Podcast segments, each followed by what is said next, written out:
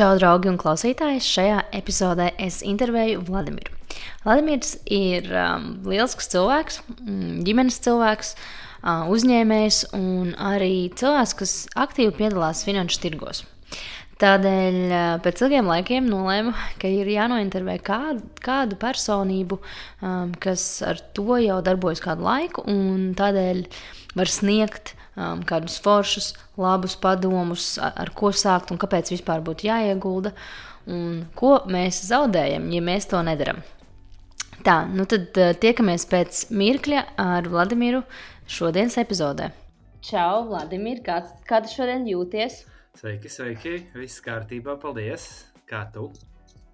Es jūtos lieliski, jo pēc ilgiem laikiem es intervēju kādu cilvēku saistībā ar finansēm un investīcijām. Tā ir arī man ļoti tuva tēma. Tāpēc milzīgs paldies tev, ka tu atvēlēji laiku šai sarunai.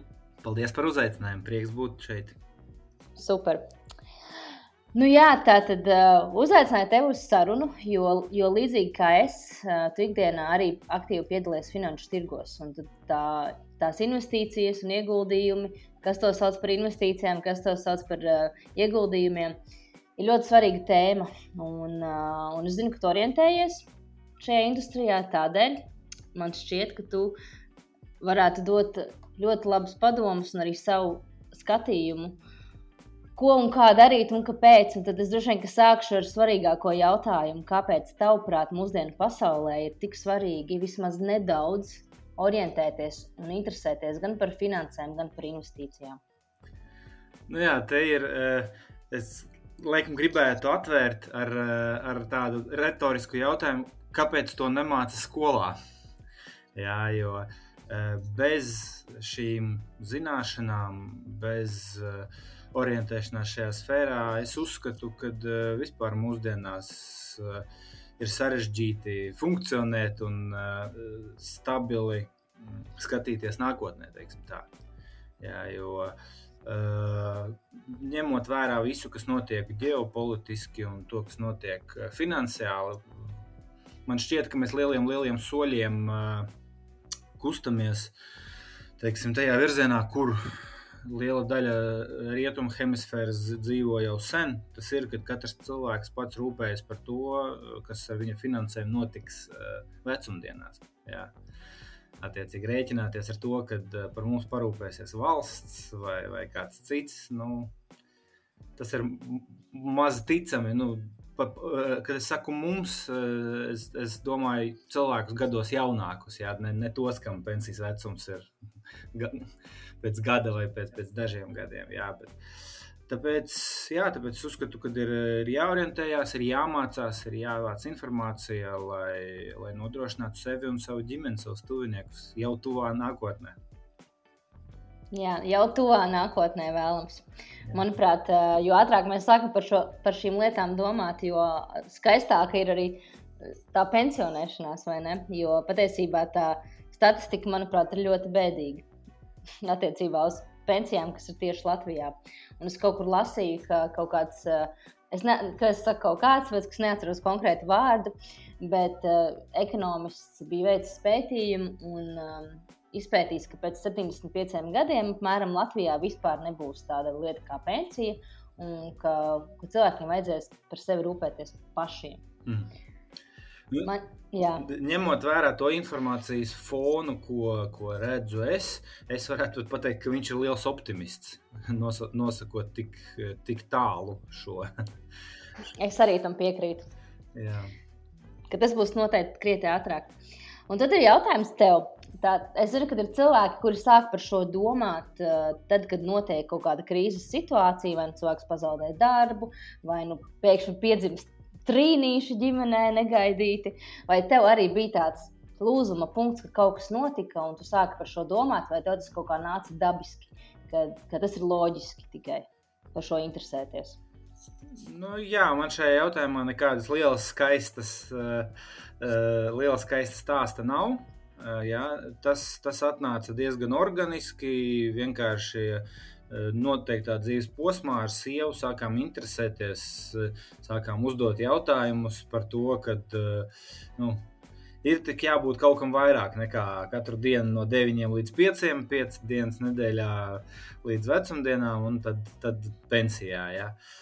Un, jā, esot pēc dabas vienkārši tā, tādam mm, pētnieciskai notīm, man, tad es, es vienkārši skatījos apkārt un, un, un vēroju un pētīju, kuri tad ir tie cilvēki, kas uh, teiksim, e, esot vēl gados jauniem, var atļauties ceļot, var atļauties strādāt, kad grib, vai teiksim, darīt to, ko grib.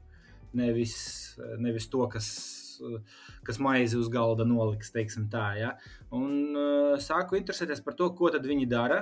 Un, uh, par to, kā viņi rīkojās, kā viņi var atļauties sev šo dzīvesveidu. Ja? Mēs nerunājam par, par cilvēkiem, kas ir, kā, kā mēdz teikt, piedzimuši ar sudraba karoti, ja? bet teiksim, tajā laikā posmā, kad es uz to skatījos, tie bija nu, tādi paši cilvēki, kā es, tādi paši jaunieši, jaunieši jauni cilvēki. Ja?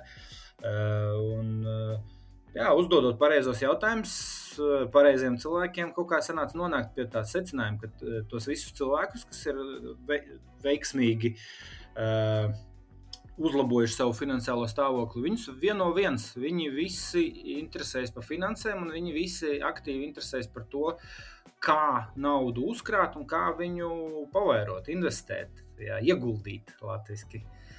Nu, tad, tad, tad, tad es arī priekš sevis nodomāju, ka nu, tad, tad, tad vajadzētu šajā jomā mācīties, šajā jomā kaut ko darīt. Un, jā, tā tas arī aizsākās. Tas tāds tā kā loģiskais ceļš, vai ne? Nu jā, ir interesanti meklēt materiālus. Kad tas process ir sācies, tad, tad tas jau tālāk iet nu, ikdienišķi. Ja? Tu vienkārši uh, interesējies, tu, tu seko tendencēm un, un vienkārši rīkojies. Jā. Pats, pats grūtākais visā šajā ir uh, sākt to naudu atlikt, jo lielākā daļa cilvēku dzīvo no algas līdz algai. Un, uh, pat varētu teikt, ka uh, mūsdienu sistēma viņa kā, māca un pat, pat kā, pamudina tērēt visu, ko nopelni. Ja, tad tad pirma, pirmā mācība visā tajā procesā bija tāda, ka nu, ir jāatliek nauda. Nedrīkst visu tērēt. Naudu, ko tu nopelni, nenāk pie tevis priekš tam, lai viņu notriektu vai, vai, vai notērētu. Es biju tajā laikā gados jauns, kad, kad šī atziņa atnāca, un manā gadījumā tas bija pat, pat notriekts. Jā, bet jā, būtība tas nemaina. Un pats sarežģītākais bija sākt. Atlikt naudu tieši. Jā, jā. jā. Jo, kad tu, nu, rupi sakot, ja tu pelni 500 latus un tu tērē 500 latus un dzīvo tā no, no mēneša uz mēnesi, no gada uz gadu, un ja tu gadījumā nopelni 600 latus, tad vienkārši tev vienmēr ir kur liekus pēdiņās 100 latus likt. Jā, tad eh, nu, pirmais ir jāiziet no tās domāšanas, no, no tā cikliskuma par to, ka, nu, viss ir jāiztērē. Uh, Un te pa, pa, pa, paldies Dievam, e, mūsdienās šajā jomā ir bezgala daudz e, infomateriālu. Ir grāmatas, ir podkāsti, ir YouTube kanāli, ir dzīvie treniņi. Ja. E, mūsdienās gan nedaudz grūtāk ar tiem ir, bet nu, tajā laika posmā, kad, kad, kad es mācījos un ap, meklēju informāciju šajā sfērā. Tas bija ļoti aktuāli un ļoti palīdzēja visādi dzīvie treniņi, kur cilvēki, kas kaut ko jau ir sasnieguši, eh, kādā finanšu jomā, dalās ar savu pieredzi. Jā, tad, eh, tad tas bija liels palīgs paklausīties eh, padomus un kaut kādas dzīves, strādājošas sistēmas no, no, no cilvēkiem, kam, kam tā ir ikdiena.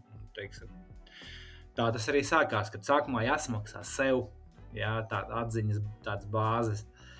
Uh, pirms tērēt naudu, jā, attiecīgi saņemot algu, paņem 10% noliec nost, netērē. Jā. Nu, tad, nu, no tā jau arī aizgāja tālāk. Jā, sāku pētīt visādus finanšu instrumentus, uh, un tā tālāk. Un tā tālāk. Bet, uh, bet jā, arī teiksim, Eh, paiet visiem gadiem, jā, skatoties no šodienas, vienalga jāatzīst, ka visgrūtākais tomēr ir sākt to naudu atlikt, mainīt kaut kādus savus ieradumus, domāšanu, jā, saknē. Jo pat, pat tagad, skatoties uz līdzcilvēkiem apkārt, ņemot vērā, kad man jau ir mana pieredze, un es arī mēģinu viņā dalīties ar kādiem saviem tuvajiem draugiem. Nu, nav tā, ka tu cilvēkam pasaki, un viņš tāds, jā, tā tas ir jādara, tas ir forši. Nē, cilvēki teiksim, ar grūtībām maina savus ieradumus. Jā, nu, tu runā gan tā, it kā tev jau būtu 50 gadi. Kaut kur senā nāku, pagātnē, kad nebija vēl tik daudz informācijas. Bet, nu, labi, cik tā realistiski ilgi jau, jau interesējies par šo tēmu un aktīvi, aktīvi piedalies finanšu tirgos? Uh, jā, nu tie ir divi dažādi termiņi. Teiksim, tā interesējos es par visu šo gadu desmit, es teiktu. Bet uh, ar to aktīvo piedalīšanos ir tā, ka es teiktu gadus septiņus laikam. Mm -hmm. nu, līdzīgi kā man, jā. Nu, labi, man liekas, nav desmit gadi, man liekas, ir astoņi gadi. Interesējos, nu, un tad arī aktīvi paralēli kaut ko esmu darījusi vienmēr. Bet, uh, Nu, jā, un tā naudas atlikšana, es esmu dzirdējis stāstus, ka cilvēki pārdod savu televizoru, lai varētu investēt savu, savā pirmajā finanšu instrumentā. Super. Tas īstenībā mūsdienu reālajās man liekas, ka tas, tas, tas būtu pirmais, ko es ieteiktu cilvēkiem. Jo nu, televizors neko, neko labu nenes, ņemot vērā mūsdienu mediju modeli. Un, jā, tas īstenībā, tā īstenībā ir. Tā, teiksim, finanšu mm, investējošu cilvēku starpā tāpat ir savā ziņā anekdote. Pārdot televizoru, lai, lai, lai investētu. Jā. Jā, bet tāpēc, es uzskatu, ka vienmēr var atrast naudu. Ja cilvēki saka, ka viņiem nav naudas, viņi vienkārši. Nu, labi, okay. ir cilvēki, kuriem tiešām ir strādā par apkopējiem, un viņi pelna 300 eiro mēnesī. Nu, labi, ar tādiem es saprotu, bet ir cilvēki, uh, kuri pelna teiksim, kaut vai tos pašus 1000 eiro. Ja? Nu, vismaz, vismaz 50 eiro, tu vari atlikt kaut kur, un ja tu nevari, tad vienkārši nu, iztaigā savu māju, saliec kastē mantas, kuras tev nav vajadzīgas, un vienkārši pārdod. Un būs tev tas pirmais starta kapitāls. Jo es domāju, ka mums visiem mājās ir kaut kādi krāmi, kuri, kurus mēs sen jau vairs nelietojam. Jā, jā un tādai, tādai darbībai būs duāls efekts, jo no vienas puses tīri fiziski, kā tu saki, pārdod un eh, dabū naudu eh, pirmajam instrumentam, no, un ir otra monētas puse, kad eh, arī tīri enerģētiski, ja tās visas vecās mantas, tie krāmi, nu, tam var ticēt, tam var neticēt, bet es savos desmit gados, teiksim tā, tomēr nonāku pie secinājuma, ka tas viss ir saistīts un tas arī strādā.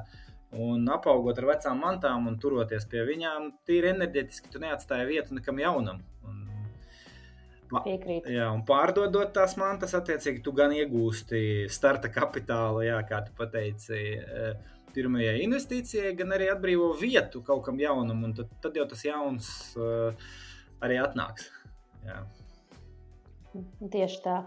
Um, tad, tad es gribētu par tevi parunāt par tādu lietu kā nu, regulēts, neregulēts tirgus. Jo, kā mēs zinām, laikam tā statistika bija tāda, ka citur pagājušā, pagājušo gadu, tas jau bija miljonos skaidrs. Skaidrs es neatceros, bet caur visādām uh, interesantām skrāpniecības schēmām pat Latvijā tika vairāk miljonu izkrāpt no cilvēkiem. Un tad uh, šeit ir tas stāsts par to, ka uh, ir jau daudz, kur investēt, jo ir ļoti daudz iespēju, bet uh, cilvēks, kurš nav izgājis cauri eh, septiņiem LS lokiem, varbūt ar investīcijām, un nav apzinājies, viņam ir grūti saprast, tātad, kam var uzticēties un kam nē.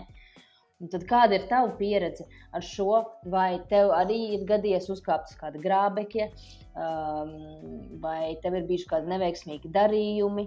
Uh, kāda ir tava pieredze un, un uh, Un kā tu vērtēji instrumentus, kuri ir labi un kuri nav labi? Uh, jā, ļoti, ļoti laba tēma, ļoti aktuāla. Jā, jo ņemot vērā, ka tagad uh, pandēmijas uh, mm, teiksim, iz, tajās reālajās, kādās mēs esam, ir tieši aktivizējušies visi, visi šie negodīgie uz roku cilvēki, krāpnieciskās schēmas. Jā, un, iespējams, ka tieši šodien cilvēkiem būtu visinteresantāk un visaktuālāk dzirdēt jā, par šo jautājumu. Nu, pirmais, tu jautā, mm, kā es vērtēju, kā es iedalu tās instrumentus. Protams, teiksim, varbūt nav tik interesanti runāt par regulējumu tirgu, ja, vērtspapīri un, un, un teiksim, nekustamais īpašums, ja, jo te viss ir daudz maz skaidrs. Te ir diezgan grūti pie mums vismaz uzkāpt uz grābekļa. Ja? Nu, ar to nekustamo īpašumu, tīpaši ārvalstīs, tu, tur ir kā ir. Var arī saka, uzrauties uz krāpniekiem, bet tas tā. Bet tiešām tajā neregulējumā tirgū ir ļoti, ļoti daudz interesantu instrumentu, un, un viņš parastam, teiksim, stat, kā, kā pateikt, vidē, vidējiem cilvēkam ja, ir vispieejamākais Un, un gan bieži vien tāpēc, ka teikt, investēšanas sākums liekas ir zemāks, jā, attiecīgi var. Ir, ir, ir daudzi projekti un daudz instrumentu, kur var sākt investēt ar 100 eiro, ar 50 eiro, ar 10 eiro. Jā, bet, jā, kā tu minēji, bieži vien te ir arī krāpnieki un, un negodīgas kompānijas pašam man, paldies Dievam, nav sanācis ne uz viena grābekļa uzkāpt, jo es esmu ļoti uzmanīgs uh, finansiālā ziņā cilvēks. Un uh, es vienmēr ļoti skrupulozi pētu instrumentus. Jā. Man bija iespēja ļoti daudzas reizes investēt tādās vietās, jā, kur, uh, kuras rezultātā izrādījās uh, teiksim, krāpnieciskas. Jā, bet es nevienu, nevienu reizi to neizdarīju. Uh, kāpēc? Tāpēc, kad ieraugot vai uzzinot par kādu instrumentu, es nekad nemetos eiforijā, ieraugot ciparus 100, 1000% garantēti pēc x mēnešiem vai gadiem. Ja. Uh, nemetos nest viņiem naudu. Es sākumā sāku pētīt no, no paša sākuma. Es skatos, kas tā ir par kompāniju. Jā. Meklēju, mums mūsdienās ir burvīgas tehnoloģijas, pieejamas internets pirkstu galos visiem ir. Uh, attiecīgi, skatos, kādā jurisdikcijā viņi ir reģistrēti. Jā, jo Visbiežāk eh, šie, šie visi krāpnieki tā, būs reģistrēti offshore reģis, uh, jurisdikcijās. Nevienmēr kompānija, kas ir pieregistrēta offshore, būs krāpnieciska, bet tu, krāpnieciska kompānija vienmēr būs offshore. Jā. Mm, skatos cilvēkus, kas ir. Eh, teiksim, Pie sprites. Kāda? Pie sprites, kā es parasti saku. jā, jā. Skatos, jā, kas ir amatpersonas, vai tie ir reāli cilvēki, vai tie ir, nu, saka, likti cilvēki, jā, šīrmas. Uh, nu, tas ir tā bāze fundamentāli, jā, uz ko var skatīties kompānijā.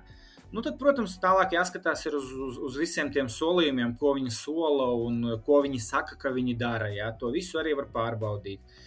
Uh, nu, te, te jāpiebilst, ka teiksim, mm, ieraugot solījumus kaut kam virs 30% gadā, tas jau teiksim, ar lielu varbūtību atzīmēju galvā, ka nu, visdrīzāk šeit būs kāda schēma, kāda piramīda, vai kāds krāpnieks, vai kaut kas vēl. Jā, nevienmēr tas ir tā, var atrast uh, instrumentus arī ar lielāku rentabilitāti, ja tīpaši spekulatīvos, bet uh, kad, kad mēs runājam tieši par neregulējumu tirgu un visāda veida kompānijām, kurās tevi, kā saka, sauc ar saukšanu un māja ar roku, kad viņi sola tādus procentus, nu, tad tas jau būtu teiksim, vidutējiem cilvēkam rādītājs, ka ir jāuzmanās galvenais signāls tāds. Teiksim. Man jau šķiet, ka viss, kas ir virs uh, kaut kādiem 10, 15% gadā, jau ir augsta riska investīcija. Un visticamāk, ka tur, ir, nu, ka tur varētu būt problēmas. Nu, nevienmēr, Jā. nevienmēr nevienmēr atkarībā no kāda tēma mēs runājam. Ja mēs runājam par kripto tirgu, kas, manuprāt, ir ļoti interesants un ļoti tāds uh, karsts topoks, ja, tad tur, protams, ir savādāk. Bet nu, tur arī ir jāskatās, jāvērtē, jo nu, bija tas, nu, es gan ar kripto esmu pazīstama jau no 15. gada. Kā, nu, nav tā, ka no pašiem pirmsākumiem, bet nav arī gluži tā, ka, ka tikai vakar par to uzzināju. Un, teikšu tā, ka visas manas izvēles šajā jomā ir noteikti reizes desmit. Jā, jā. ja mēs runājam par kādu portfeli. Bet uh, nu, bija tas ICO booms. Hmm. Gan jau, ko atceries pirms pāris gadiem, un uh, viss vis tur metās, viss kaut kur iekšā. Tas ir kā, nu, līdzīgi kā akcijām, tie, kas nezina, ICO, tas bija kaut kas līdzīgs arī kripto tirgu, ja, kas ir initial coin offering. Ka it kā jaunajos projektos varēja investēt ar domu, ka viņi kādreiz kaut ko izdarīs. Nu, lūk, es investēju tikai vienā ICO tajā laikā, Un tas bija tezos. Mana intuīcija man nepievīla. Mm -hmm. Bet, uh, bet nu, ir visādi gājis. Tāpēc, bet šeit arī ir piebilde tāda, manuprāt, kas ir svarīga. Un tev noteikti arī būs komentārs, ka pat tad, ja bizness ir leģitīvs, ja pat tad, ja ideja ir fantastiska un cilvēki ir godīgi, tas nebūtu nenozīmē, ka tas bizness izdosies. Protams, protams. 90% no visiem biznesiem, kas tiek uzsākti, cieši neveiksmi pirmajā gadā no atlikušajiem 10% vēl, ja nekļūdos, 70% uh, cieši neveiksmi nākamajos četros gados. Attiecīgi, pēc pieciem gadiem izdzīvo tikai 3%, 3 no 100 uzņēmumiem jaundibinātiem, startupiem vai, vai, vai, vai, vai sauciet, kā gribiet. Jā, līdz ar to klasiskais, tradicionālais bizness ir ļoti, ļoti riskanta lieta īstenībā. Nu, ir, ir, jā. Bet ir tāda cilvēka kategorija, kas ir tie angel investors, cilvēki, kas tikai investē principā jaunos projektos. Un, uh, es droši vien, ka neesmu tajā kategorijā. Bet, uh, nu, ja tev ir ļoti daudz naudas kontā un tu esi ultra bagāts, tad varbūt tu vari atļauties uh, iet šajā tirgu, jo nu, varbūt kāds no taviem uzņēmumiem izšausies un būs vienradis, un tu kļūsi par miljonāru vēlreiz. Nu jā, redzi, ar tiem angel investoriem ir tā, ka īstenībā tas ir pārdomāts eh, investēšanas veids. Un tur nebūtu nav tā, ka viņi iet un tagad investē, tāpēc ka viņi ir nenormāli bagāti un grib atbalstīt jaunos investorus. Tā ir viena no manām teorijām. Gan jau ir citas vēl. Uh, nu, ar, ar, ar angel investēšanu ir tā, ka, uh, jā, tu pareizi minēji, viņa principā ir pieejama sākot ar kaut kādu jau ļoti nopietnu kapitālu, tāpēc, kad uh, ir nepieciešams fragmentēt savu, savu, savu kapitālu uz tik daudziem instrumentiem, lai riski kļūtu asimetriski. Jā. Un, tas īstenībā ir. Mm, tā ir metode, kurā es, piemēram, pieturos vērtspapīra tirgū. Jā, es investēju asimetriski, un te arī no, no šī arī izriet tas, ka, kad es minēju teiksim, procentuālo ROI, jā, return of investment, peļņu, jā, no, teiksim tā, uh, un, un tu mini 10%, tad, uh, nu, principā pareizi veicot izpēti un uh, izmantojot asimetriskās investēšanas modeli, 30% gadā nav nemaz tik liels cipars. Vienkārši uh, teiksim, kapitālā mm, atgriešanas un, un, un peļņas uh, gūšanas horizonts ir nedaudz lielāks nekā teiksim, investējot konservatīvi Eh, dividendus akcijās vai, vai, vai, vai, vai teiksim, kādos citos instrumentos, kas ir līdz 10% gadā. Jā. Jā, tas arī ir arī metode, ko, kurā pieturās tie tā saucamie angel investori. Viņi investē simts startupos, teiksim, katrā pa vienam miljonam dolāru, bet eh, investē tikai pie noteikuma, ka viņi redz, ka veiksmīga palaišanas rezultātā startups dos reizes reiz 50, reiz 100. Jā. Attiecīgi, šādi sadalot kapitālu, viņiem pietiek, lai viens no simts projektiem, viens no simts instrumentiem uh, realizējas, lai atpirktu atpakaļ investētos līdzekļus. Un, ja vismaz divi nostrādā, tad jau ir peļņa. Nu, tas ir ļoti, ļoti Eh, teiksim, vienkāršoti, bet, bet kopējā ideja ir šāda. Tur, protams, ir vēl riska menedžments un, un tā tālāk. Ļoti daudz nianses, jā. jā. Nu, labi, ja mēs runājam par portfeli un vispār kā cilvēki investē, nu, teiksim, tas ir tā, lai tādiem vienkāršiem cilvēkiem nesarežģītu galvu. Manuprāt, ir svarīgi saprast arī to savu stratēģiju, jo es droši vien nebūšu no tiem cilvēkiem, kas investēs visur pēc kārtas. Ja? Es zinu tādus cilvēkus, viņi tiešām investē visur vienkārši. Un es uzskatu, ka tomēr ir jāpieturās pie kaut kādām savām vērtībām, pie kaut kādas savas stratēģijas. Un tu nevari būt uh, eksperts vis, visos instrumentos, pareizi. Un ir kaut kādām sfērām jābūt, pie kurām tu pieturies. Vai tev ir cita stratēģija? Cik tev ir finanšu instrumenti un, un kāds vispār ir tavs portfels? Ja tev nav, ja tev nav noslēpums, tad, tad, tad padalies lūdzu. Nu, jā, es piekrītu tev tajā, tajā ziņā, kad ir jābūt stratēģijai. Tas ir ilgtermiņā viennozīmīgi. Mm, teiksim, cilvēks, kuram ir stratēģija, ilgtermiņā uz, uzvar. Ja, viņš ar lielāku varbūtību spēs saglabāt un pavairot savu kapitālu. Jo teiksim, finanses nav, tas, nav tā sfēra, kur, kur vajadzētu skriet pa labi un pa kreisi. Ja, un, un visur pēc kārtas likt. Pareizi jau minēja par to, ka nevar būt eksperts visur. Jā, ar to tu domāji noteikti, ka ir eh, jāinvestē tikai tajās sfērās, ko saproti. Uh, tam es arī piekrītu. Runājot par manu portfeli, viņš ir sadalīts teiksim, da, dažādās sfērās. Jo, lai gan es piekrītu tam, ka ir labi jāorientējās sfērās, kurās tu investē. Es arī esmu liels piekritējs diversifikācijai. Ja? Jo ierobežojot sevi ar pāris jomām, piemēram, kurās tu esi kā, kā zivs ūdenī, ja? tu kā cilvēks uh, liec olas tikai divos groziņos. Ja? Uh, tāpēc uh, manā portfelī ir uh, praktiski visas instrumentu grupas no konservatīvajām līdz augstu riskantajām. Jā, ir gan kriptovalūtas, ir nekustamais īpašums, ir mm, vērtspapīri dažādās valstīs, dažādās jurisdikcijās, dažādās valūtās. Jā. Kā, kā saka viens Krievijas mm, coach, laikam saucās, jā, par finanšu, izglīt, nu, finanšu izglītībā viņš darbojās. Jā. Viņš saka, ka ideālajā gadījumā, kad cilvēkam, kas sāk veidot savu portfeli, būtu jāizvēlas piecas, piecus instrumentus, ne, ne piecus instrumentus, piecas instrumentu grupas, vismaz trīs jurisdikcijās, vismaz trīs valūtās. ja. Īstenībā tas ir, protams, sarežģītāk nekā, nekā skan, bet uh, kopumā es esmu piekritējis teiksim, šādam virzienam. Jā.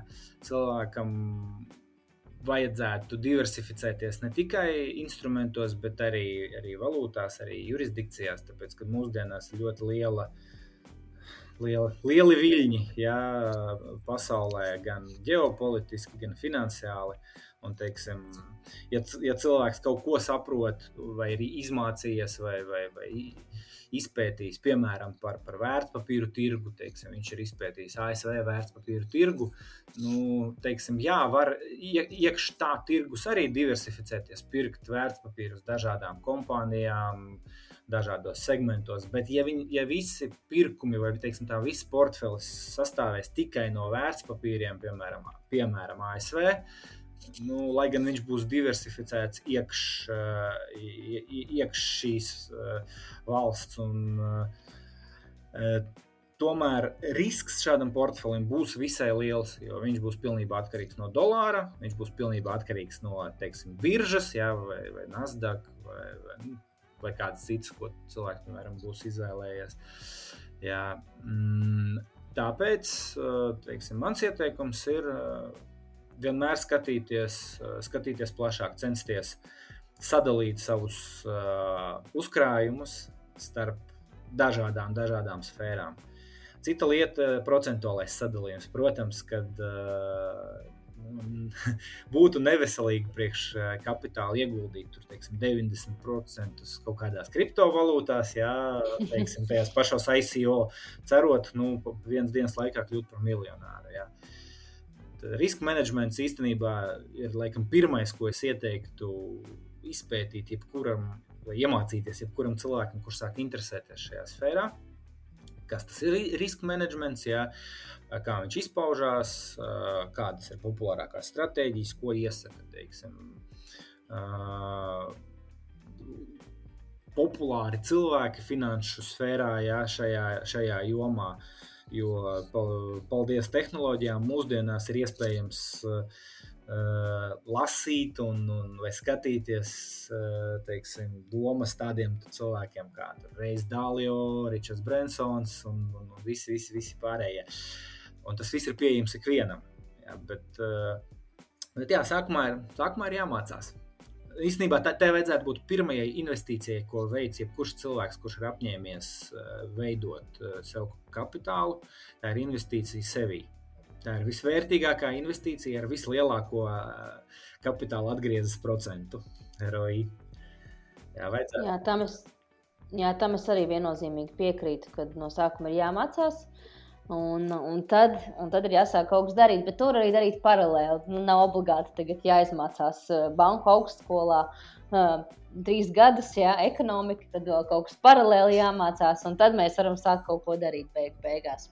Es domāju, ka ļoti bieži vien arī nostrādā, ka vislabākā teorija tomēr ir praksa. Piekrītu, jā, galvenais, lai, lai tā praksa nav pārāk dārga.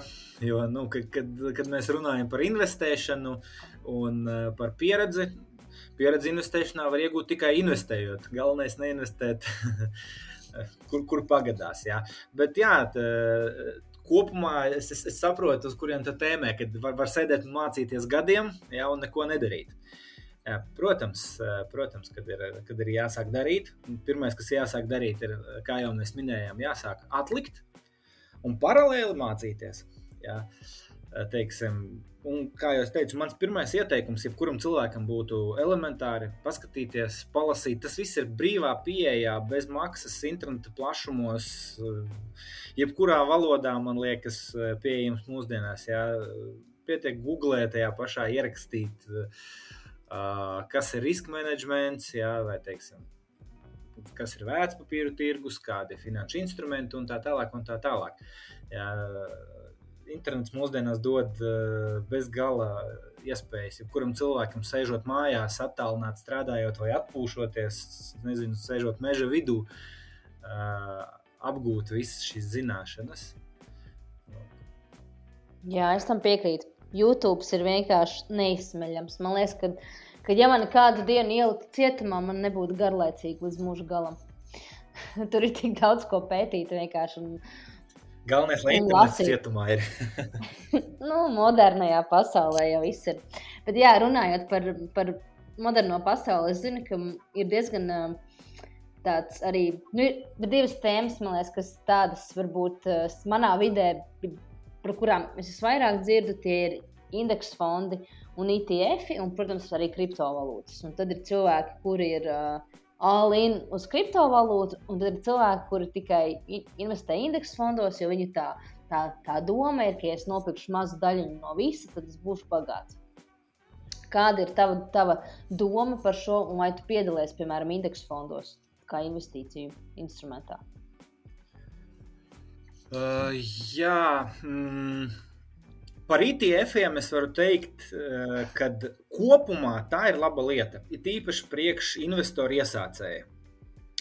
Piekrītu. Uh, jā, jo, uh, teiksim, lai investētu kādā, kādas kompānijas vērtspapīrā, ir jābūt ļoti lielai mm, gan teorijas bāzei, gan arī jau praksē. Ja? Jo tur tev ir jāsaprot, eh, nu, te, gan fundamentāla uh, informācija par šo kompāniju, ja tā saucamā fundamentālā analīze, kas viņi ir, ko viņi dara, kur viņi iet, kādi ir viņu plāni, kādi ir viņu investori, kādi makro, mikroekonomiskie rādītāji tai kompānijai ir un tā tālāk. Ja. Uh, tad, tad otra lieta ir, kurai ne visi piekrīt, ne visi tic, jā, bet viņi ir tehniskā analīze, jā, kad tur skatās tos grafikus un zīmē figūras un tā tālāk. Jā. Uh, tad ir teiksim, jāsaprot, kādi riski šai kompānijai ir teiksim, juridiski, nodokļu ziņā, uh, tur, teiksim, ģeopolitiskā ziņā un tā tālāk. Nu, vienmēr sakot, ir jāzina, jā, jābūt spējīgam atrast informāciju un viņu adekvāti analizēt par ļoti, ļoti, ļoti daudziem faktoriem. Un tas ir tikai vienai kompānijai, kuras vērtspapīru tu skaties. Uh, kad tu investē ETF, tu, tā, kā jau tu teici, jā, tas ir tā, tāds mm, tā kā, psiholoģiski nopirkt pa daļiņai no, no, no, no visa. Jā. No, no, no visa laikam būs eh, nevisai pareizi teikts, jo tie ETF tomēr ir uh, nedaudz. Uh, Struktūrēti, jā, tur atkarībā no tā, kāds ITFs, tad viņš vai nu vienās vai citās akcijās investē. Bet vienmēr sakot, jebkurā gadījumā no liela spaiņa, ja, ar, ar vērtspapīriem, kurus ir sastādījuši profesionāļi, kas ir izpētījuši teiksim, visus šos rādītājus. Un, kas ir interesantākais, kad runājot par ITF-iem un par tirgu kopumā, mm, es nezinu, vai zini, bija dažus gadus atpakaļ situācija, kad Buffets uzvarēja derībās par miljonu dolāru kad uh, cilvēks, de, derības bija par to, ka Buffets apgalvoja, uh, cilvēks bez jebkādām zināšanām finanšu tirgos, kas ieguldīs uh, teiksim, vienā uh, tirgū, nu, viņš, viņš to formulēja kā tirgū, bet doma ir, piemēram, ka ITF fondā vienā. Mm -hmm. Uz, yeah. uz, teiksim, kaut uz lielu ASV lielā ETF fondā, ja, kurā ir uh, ļoti daudz vērtspapīru no dažādiem sektoriem teiksim, šajā valstī. Desmit gadu horizontā apspēlēs uh, profesionāļus, ja, hedge fondā, uh, kuri teiksim, spekulējot un ar visām savām zināšanām, darot darbības finanšu tirgu, nespēs dot tādu atdevi kapitālam kā ETFs. Viņš uzvarēja. Ja? Tad, eh, es biju par šo lasījusi. Jā, jā derības viņš mēģināja noslēgt kaut kur no 7. gada. Laikam, sākot, ilgi nevarēja atrast, kas, kā saka, liks pretī likmi, jā, beidz, beigās atradīja, un tad, nu, attiecīgi, kaut, kaut, kaut kad pirms, pirms īsti, es neatceros, vai 18. vai 17. gadā, vienmēr sakot, var atrast internetā visu šo informāciju, ja es tagad tā no galvas stāstu. Uh, tur bija ļoti liela, liela, mm, ļoti liels spreads. Tas, ja, tas ITFs rezultātā deva daudz labāku atdevi nekā, nekā hedge fondi. Ja. Eh, vai, vai tas nozīmē, ka ITF vienmēr būs uh, izdevīgāks? Nu, te ir grūti pateikt. Buffets uzskata, ka jā. jā. Nu, nu redzi, kā, ko es vēl gribēju piekomentēt, un arī paturpināt šo sarunu, ir tas, ka Es ticu tam, ka ir desmitgadīgas krīzes, ka ir tādas kā dekāžu krīzes, un tad ir uh, gadsimta krīzes. Ja? Un, uh, un, ja tu atceries, Amerikā bija tā lielā depresija 30. gados, tad ar visu to, kas šobrīd pasaulē notiek, es esmu kaut kur sevī. Mm, man ir tāda sajūta, ka ka, ka viss nebūs tik rožaini un ka patiesībā visas briesmas vēl tikai tuvojas nu, ne briesmas, bet eh, teiksim, tā, lielais restarts, kas arī būs finanšu pasaulē. Un, eh, un patiesībā visi šie indeksu fondi tomēr savā saknē balstās uz veco finanšu pasauli. Un, um, man kaut kā šķiet, ka tomēr, uh, ja cilvēkiem liekas, ka kriptovalūta ir kaut kur tālu, tālu prom, uh, un ka tā visa tehnoloģija attīstās ne tik ātri, un ka tomēr nu, ka nebūs tā, ka tagad atnāca bitkoins un tagad pārņems visu pasauli. Bet man kaut kā gribētos domāt, ka tas tā pagātnes tie rādītāji par indeksu fondiem, nu, ja mēs skatāmies, ka indeksu fondiem ir, ja nemaldos, ap 40 gadiem, jo Džons Boguls viņus izgudroja kaut kādos 70. gados, tad tas nenozīmē, ka vēl pēc, pēc desmit gadiem mēs viss būs tieši tā, kā tas ir bijis pirms tam.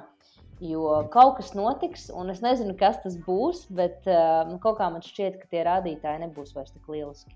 Kādas ir tavas domas? Nu, jā, šī ir tāda sāpīga tēma. Uh, es negribu izklausīties pesimists, bet uh, jā, es tam pilnībā piekrītu, ka uh, tuvojas ļoti, ļoti liela krīze. Jā, un, viņa būs ļoti skars daudzas sfēras, bet uh, teiksim, tad te var runāt gari. Es pieskaršos tikai vienam aspektam, jā, teiksim, mm, ko pētot gan vērtspapīra tirgu, gan teiksim, kopējās tendences pasaulē. Mm. Visdrīzāk jau teiksim, tuvāko laikam, 3 līdz 5 gadu laikā būs nopietna enerģētiska krīze. Principā viņa jau ir sākusies. Mēs tagad esam pateicoties visiem lockdowniem un, un, un, un, un, un visā pasaulē. Un, un citiem aspektiem, kas ir saistīti ar, ar, ar, ar ierobežojumiem, ko, ko ieviesa daudzas valstis. Jā, mēs esam pātrinājuši visus šos procesus, bet jā, pat, pat šodien, paskatoties ziņas pēdējo laiku, mēs redzam, ka cik, cik šodien maksā gāze Eiropai, cik mums maksā elektrība Eiropā. Jā, spot cena gāzei virs 1000 dolāriem un 1200 dolāriem par 1000 eh, kubiem. Nu, tie ir rekordaugsti rādītāji. Un uh, ekonomisti, finansisti valstīs, Eiropas Savienības valstīs, saka, ka tas ir pārējoša situācija, jā, bet nu, no tā, ko esmu pētījis, es izskatās, ka nekas pārējošs te nav. Pēdējos gadus, laikam, gadus desmit vairāk pat, ja, pasaule, un, kad es saku pasaule, es domāju, teiksim, pamata ģeopolitiskos spēkus pasaulē, ja,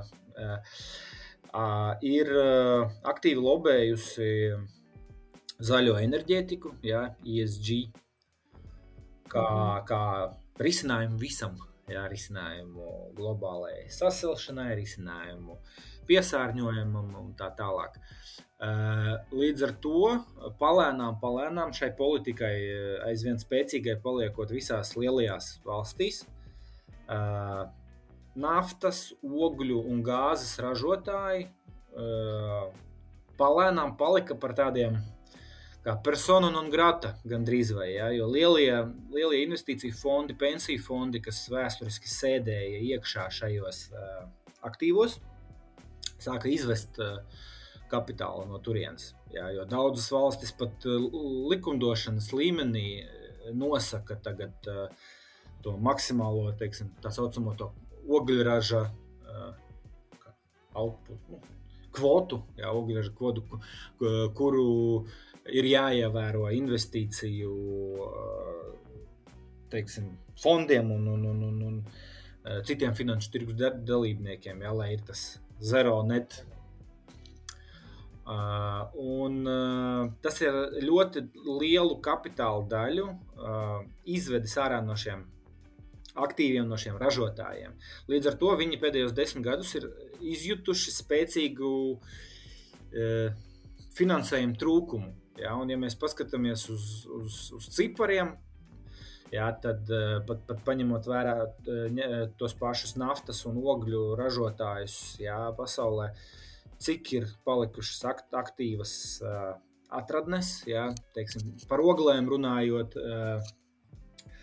cik ir dzīves šahtas, jā, kas, vēl, kas darbojās un, un, un, un kas dod daudz maz. Uh, saka, lielas uh, izēvielu at, uh, iz, izstrādes, jā, uh, tad, tad, tad šie cipari ir uh, trīs, četrkārša kritumu piedzīvojuši šajā periodā.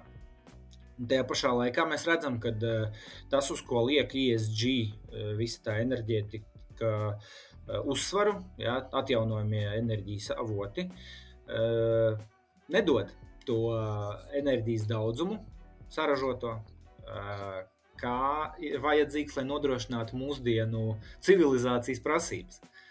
Ja, un, ja mēs paskatāmies uz ziņām, pat jau šodien Ķīnā, mm, Lielbritānijā, Vācijā mums ir nu, angļuiski tas ir power outages. Ja, 21. gadsimtā ir problēmas ar e, elektrību. Un tas ir tieši rezultāts tam, kas visus šos desmit gadus šī politika ir uh, uh,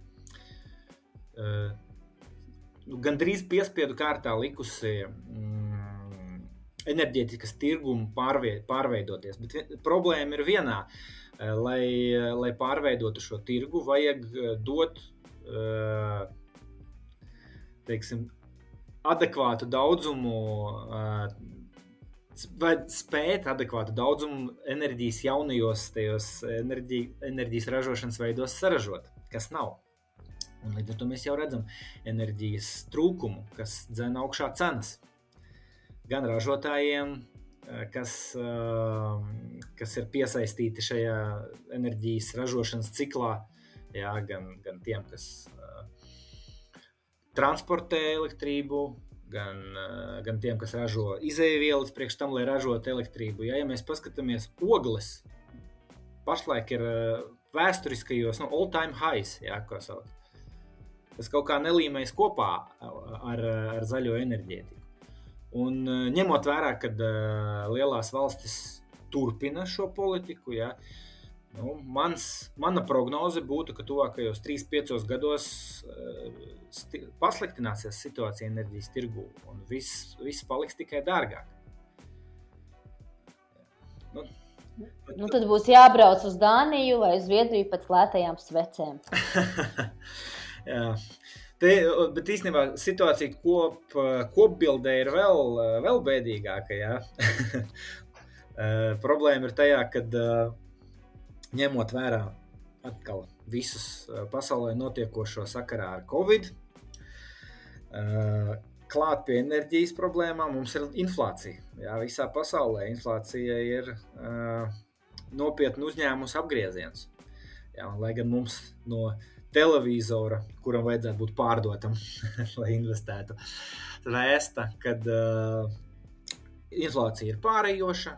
Jā, Eh, kad eh, inflācijas līmeņi nav tik augsti. Eh, skatoties uz visiem ekonomiskiem rādītājiem, nu, neizskatās gan, ka viņi ir pārējoši, un neizskatās gan, ka viņi ir tajā līmenī, ko oficiālie avoti sauc. Un, ja mēs apvienojam enerģētisko krīzi ar inflāciju, mums sāka pavīdēt kaut kur uz horizonta stagflācija, kas ir nu, manā subjektīvā izpratnē teiksim, tāds baisākais, kas var būt ar, ar ekonomiku pasaulē. Un, ja tas notiks, tad, tad visdrīzāk tas, ko tu saki par, par, par simts gadu cikliem, ja, 30. gada lielā depresija, varētu būt, ka 2003, uz 2030. kaut kas līdzīgs arī būs. Jā, nu, tas ir tāds. Nu, tās ir manas prognozes. Es, protams, neesmu Nostradamus, es neesmu Maikls Burijs. Un, un, eh, bet nu, tomēr ir, ir tāda sajūta, ka, ka, ka kaut kādi instrumenti, kas balstās uz veco pasauli, šobrīd laikam nav mans fokus. Eh, vai nu es investēju kaut kur, kur es zinu, cik es nopelnīšu, vai nu tas ir nekustamais īpašums, vai nu man šobrīd, nu, protams, es vienmēr arī domāju par to, ka uh, investēt kaut kādās lietās, kam es ticu un ko es atbalstu. Piemēram, es nekad nepirku kolas akcijas. Tāpēc, ka es vienkārši nedzeru kolu, man šķiet, ka cilvēkam nevajadzētu dzert kolu. Kā, man liekas, ka arī nu, es pieeju arī tam visam diezgan garīgi. Ne tikai tā, kuras var vairāk nopelnīt, bet, protams, arī svarīgi ir šī, šī jaunā moda, nu, trendi, kas ir kriptovalūta. Tas arī man šķiet ļoti interesanti. Vienmēr ir licies interesanti. Un, uh, jā, bet tā, man liekas, ir vesela pasaule. Jā, viennozīmīgi. Vesela pasaule tā ir. Viennozīmīgi piekrītu. Jā. Un, uh, es esmu pie kriptovalūtām ļoti uzmanīgi. Teiksim, uh, pieeju un arī portfeļu veidošanas ziņā ļoti neliels uh, portfeļa procents ir kriptovalūtās, bet uh, tā viennozīmīgi ir uh, sfēra, kurai uh, mūsdienās cilvēkam, kas vēlas investēt un uh, savu kapitālu pasargāt un pavairot, ka viņam vajadzētu pievērst uzmanību un papētīt, kā minimums. Ja, negribu nevienu aicināt strādāt ar šo instrumentu, ja īpaši, ja nav izpratne, vai ja nav, ja nav drošs. Bet uh, pētīt un, un uh, turēt roku uz pulsa, tā sakot, jā, viennozīmīgi ir vērts. Jā, kriptovalūtas, teiksim, es arī līdzīgi kā tu uh, nosaucu 15. gadu, jā, kā to atskaites punktu sev šajā sfērā. Man laikam bija ļoti līdzīgi. Teiksim, laika ziņā, kad, kad es pievērsu uzmanību tam. Uh, ļoti, ļoti uzmanīgi iegāju. Jā, ne, ne, ne, ne, ne par kādām lielām summām nebija runa, bet es varu pateikt, ka uh, man laikam. Tu teici, ka x10, jā, tev bija pareizi. Nu, plus mīnus, jā. Es tā es reiķinu arī visus tos, kas ir, kas ir nomiruši, jā, tokeni. Bet īstenībā, uh, ja tā labi padomā, tad patiesībā nemaz nav tādi, kas ir nomiruši. Ne, varbūt viens vai divi ir tādi, kas tiešām laikam vairs neeksistē un kur tur nav nekādas jēgas, bet tas ir no rēķināsim kaut kādu 50 koinu portfeļa. Tā kā viss nav tik slikti. Jā. Nu, redz, es, es daudzos koinos nelikos iekšā, un arī tagad neliekos, bet uh, uh, ieliekoties trīs monētās, tajā laikā man uz doto mirkli, laikam, ja, ja pareizi uzmetu uz kalkulatora, ir 25 reizes atdeve. Un tas ir teiksim, investīciju formātā. Es nespekulēju, es nevēru vaļā, es vienkārši nopirku, noliku augstā glabāšanā. Un šo, šo, nu, saka, šo, šodienā vienkārši uzmetot uz kalkulātoru pareizi ar aktuālo kursu, un tad, tad es zinu, cik ir. cik ir reizes, jā. jā. Tā, tādā ziņā, nu, tādā ziņā pie šī instrumenta ir, ir interesanti pieiet, jā, kopumā. Uh, Bet uh, es gribu pateikt, ka investējot kriptovalūtās, cilvēkam jāpēt ir vēl vairāk nekā investējot uh, vērtspapīrā. Vai akcijās? Jā, jā, jo investējot vērtspapīros ir, nu, ir saprotami, ir fiziskās pasaules kompānija, ja, kas kaut ko dara, mm. kaut, ko, uh, kaut ko ražo vai kaut kādus uh, pakalpojumus sniedz. Un, nu, tas ir saprotami lielākajai daļai cilvēku. Bet, uh, kad mēs skatāmies uz kriptovalūtām, visbiežāk ir jāsāk pētīt tehnoloģija, kas ir zem tās monētas, jā, ko viņa dod, kāds ir blockchain un tā tālāk. Nu, informācijas apjoms, kas ir jāsaprot, ir daudz lielāks.